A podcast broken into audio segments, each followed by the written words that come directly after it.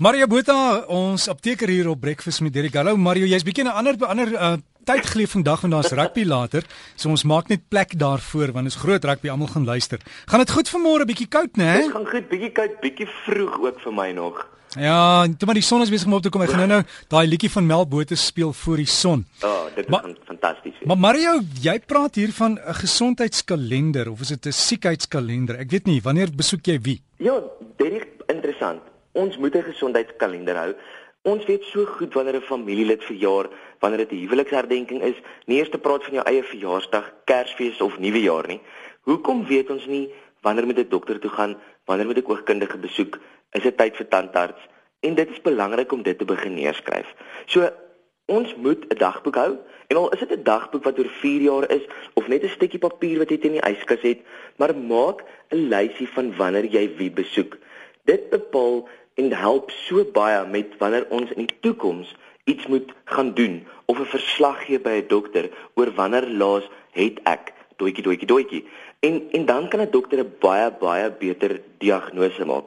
So as jy bewus is van iets soos 'n oorerflike siekte of slegte familiegeskiedenis en waar daar kanker dalk mag voorkom of hoë bloeddruk, dan is dit nodig om om so dagboek te hou.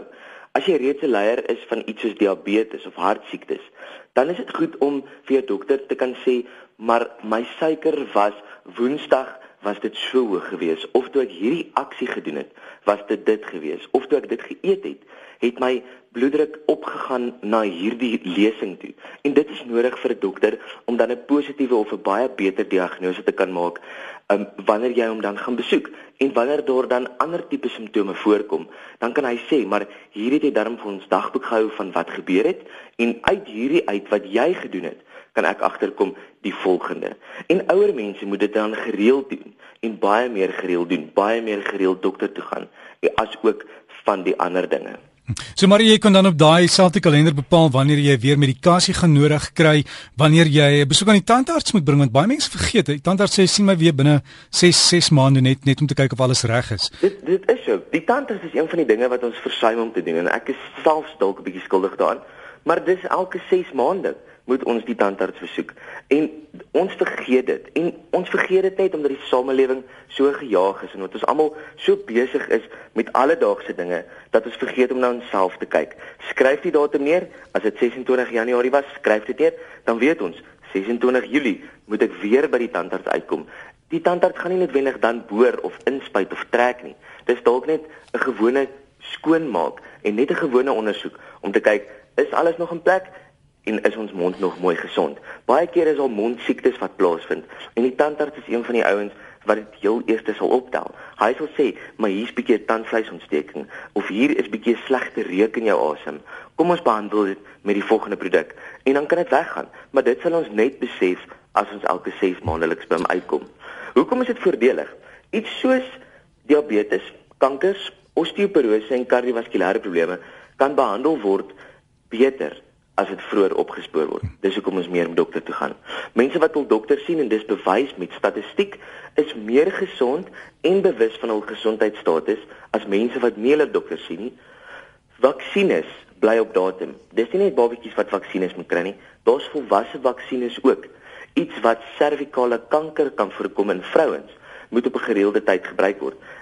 Vir die eerste maand, dan die derde maand en dan die sesde maand moet byvoorbeeld daai vaksines gebruik word. En dan ons weet almal voorkoming is beter as behandeling. Die Engels sê altyd so mooi, prevention is better than cure en dit is maar so.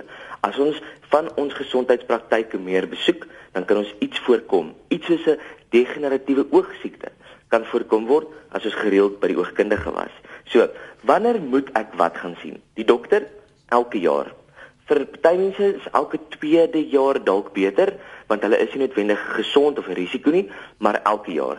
Ou mensies hiervan 70 75 jaar oud, is dit selfs goed om elke 6 maandeliks die dokter te besoek. Die tandarts elke 6 maande weer eens, oogkundige ten minste een keer 'n jaar vir party mense weer as jy nie oogprobleme het nie, elke 2 jaar is goed. Ginekoloog.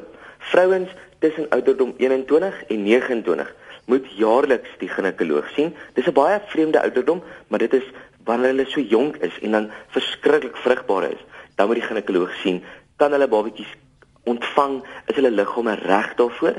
Daarna, so oor 30, is elke tweede jaar goed, maar dit is net 'n minimum. Gewoonlik is dit maar elke jaar. Prostaatondersoeke vir mans is ten minste elke 4 jaar. Maar in party gevalle, as ons weet daar is prostaatkanker in die familie, moet ons dit jaarliks laat doen. En dit is nie meer die aaklige vinger in fondament toets soos wat al die mans altyd voorbang is nie. Ons daar's goeie bloedtoetse wat ons nou kan trek en ons noem dit die prostaat spesifiek antigeen toets. Gaan trek daai bloedtoets en kyk of daar dan enige geval van so iets is. My huisdokter trek sommer 4, 5 buisies bloed wanneer ek gaan en dan toets hy vir een van daai dinge. As dit dan positief is, sal verdere toetse dan gedoen moet word. Hier is 'n interessante een. Borskanker vir vroue tussen 20 en 30 jaar, elke 4 jaarliks moet hulle dit gaan doen. Maar bo 40 moet hulle dit elke jaar gaan besoek. Manlike borskanker is ook nou 'n nuwe ding wat voorkom. En daarvoor moet ons ten minste ook elke 4 jaar gaan kyk, maar mans en vrouens moet dit sommer hier elke derde maand in die stort um, ondersoek, 'n selfondersoek doen. Daar is baie stukke op die internet oor hoe om hierdie borskankers raak te voel met 'n selfondersoek. Gaan kyk daarna, lees daarop en voel vir klein klontjies wat in die bors kan voorkom en dan 'n kleur van 'n tepel wat verander of bloederige afskeiding wat uit die tepel uitkom. Dis gewoonlik tekens by mans dat daar borskanker is. Baie baie interessant. Musies moet elke jaar ondersoek word. Gemaak 'n draai by, by jou dermatoloog. Laat hy gaan kyk. Hulle noem dit hulle map die musies. So hulle teken 'n kaart van jou hele liggaam om te kyk waar elke musie is. En dan volgende jaar kyk hulle dan weer na hierdie kaart, lê hom bo op die ander kaart en kyk of van hierdie musies vergroot het, verklein het, van kleur verander het en dit is dan goed om te doen vir iets soos 'n musie. Jy's dalk nie bewus dat daar 'n musie agter op jou rug is nie, maar hy dalk van kleur verander of hy het in grootte verander en dan is dit goed om dit raak te lees. En dan laaste iets soos dieetkundiges en biokinetikuste. Dis twee mense wat ons glad nie besoek nie en dit is twee mense wat baie belangrik is. Dieetkundiges hou ons regtig in vorm as daar dalk 'n afwyking is van iets soos kalium of kalsium in ons dieete, kan dieetkundiges dit ook optel en ons dan op 'n baie beter program sit om te eet. Biokinetikuste bevorder dan ons gesondheid, algemene gesondheid, deurdat hulle dalk vir ons 'n oefenprogram kan voorskryf. En baie mediese fondse het nou hierdie motiveringsprogramme waar jy kan punte verdien deur na van hierdie praktyke te, te gaan. So wenke vir goeie gesondheid is hou dagboek van jou dieet wanneer jy siek is, wanneer wat jou siek gemaak het, waarmee jy gediagnoseer was, al is dit 6 maande terug, 'n jaar terug en al gaan jy na 'n nuwe dokter toe, hou nog steeds dagboek van wat gebeur het. Wanneer die dag en die tyd iets verander het in jou liggaam, selfs al het jy 'n tablet gedrink, jy drink dalk hierdie tablet vir jare en skielik is daar 'n neeweffek wat nou plaasvind of jy tel op dat hoofpyn nou gebeur 'n uur nadat ek my tablet gedrink het. Skryf dit neer en gee dit vir jou dokter. Inentings iets soos wanneer jy stop met die kontrasepsiepil vir dames en as hulle wil swanger word. Dis baie belangrik.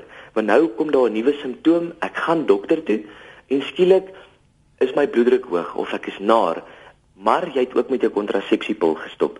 Dan is jy dalk swanger en dit is baie goed om te weet want ons kan nie net vir jou enige tablet gee om te drink nie. Jy weet dalk nie jy is swanger nie, maar ons gaan jou behandel vir asof jy swanger is ter wille van die veiligheid van jou baba. Dan wanneer 'n neeweffek begin het ek gesê en hoe besering of siekte begin het is baie belangrik. Die dokter of die apteker was nie daar terwyl dit gebeur het nie. Skryf in detail neer wat ek gedoen het, hoe ek gedraai het toe ek my rug beseer het of hoe ek geval het toe ek my knie geskuif seer gemaak het. Daai details gaan vir ons 'n diagnose gee wat vir jou baie beter gaan wees.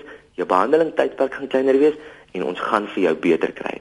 Ons sê, Maria, alles van die beste net net huiswerk vir volgende keer. Iemand gevra of ons kan praat oor groen koffie wat 'n mens glo kan maar maak deur net koffie te drink.